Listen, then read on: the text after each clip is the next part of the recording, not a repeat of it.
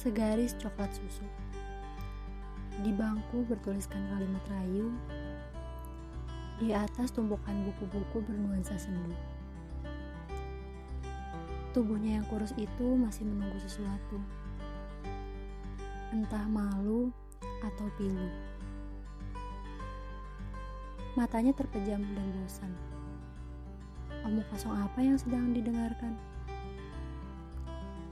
Apa yang hilang? Yang tengah dirasakannya? Apa yang hampa dan kosong dalam relung hatinya? Segaris coklat susu. Dikupasnya kertas pembungkus itu.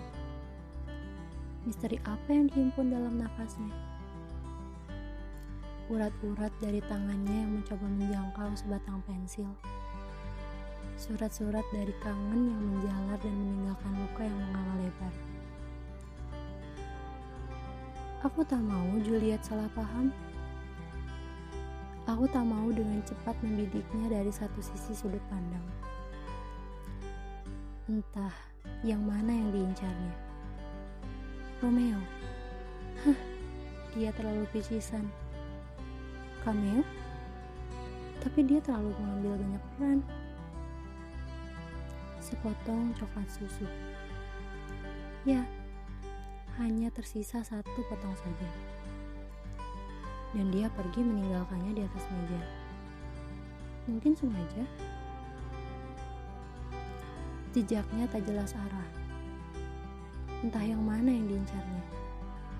Senja. Memilih pasangan saja, dia buta warna.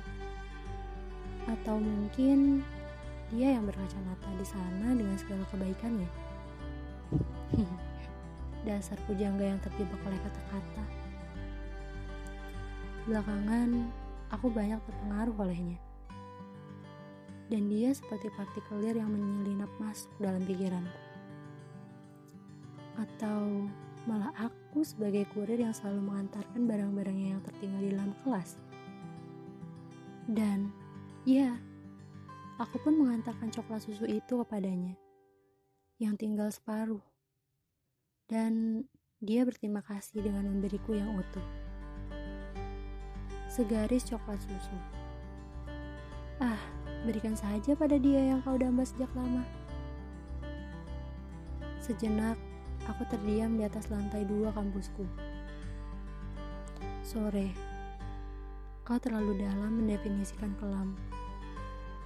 Langit, kau terlalu biru untuk menyimpan bilur. Perlahan, aku membuka kemasan coklat susu itu. Di hariku, kali ini kau tahu saya tahu. Mentari masih sedikit terbit. Rembulan, sampai jumpa untuk kencan nanti malam. Cukup manis. Jangan tinggalkan noda di gigiku. Berjam-jam, surya mulai tenggelam. Dan aku menunggu sampai dia titipkan salam.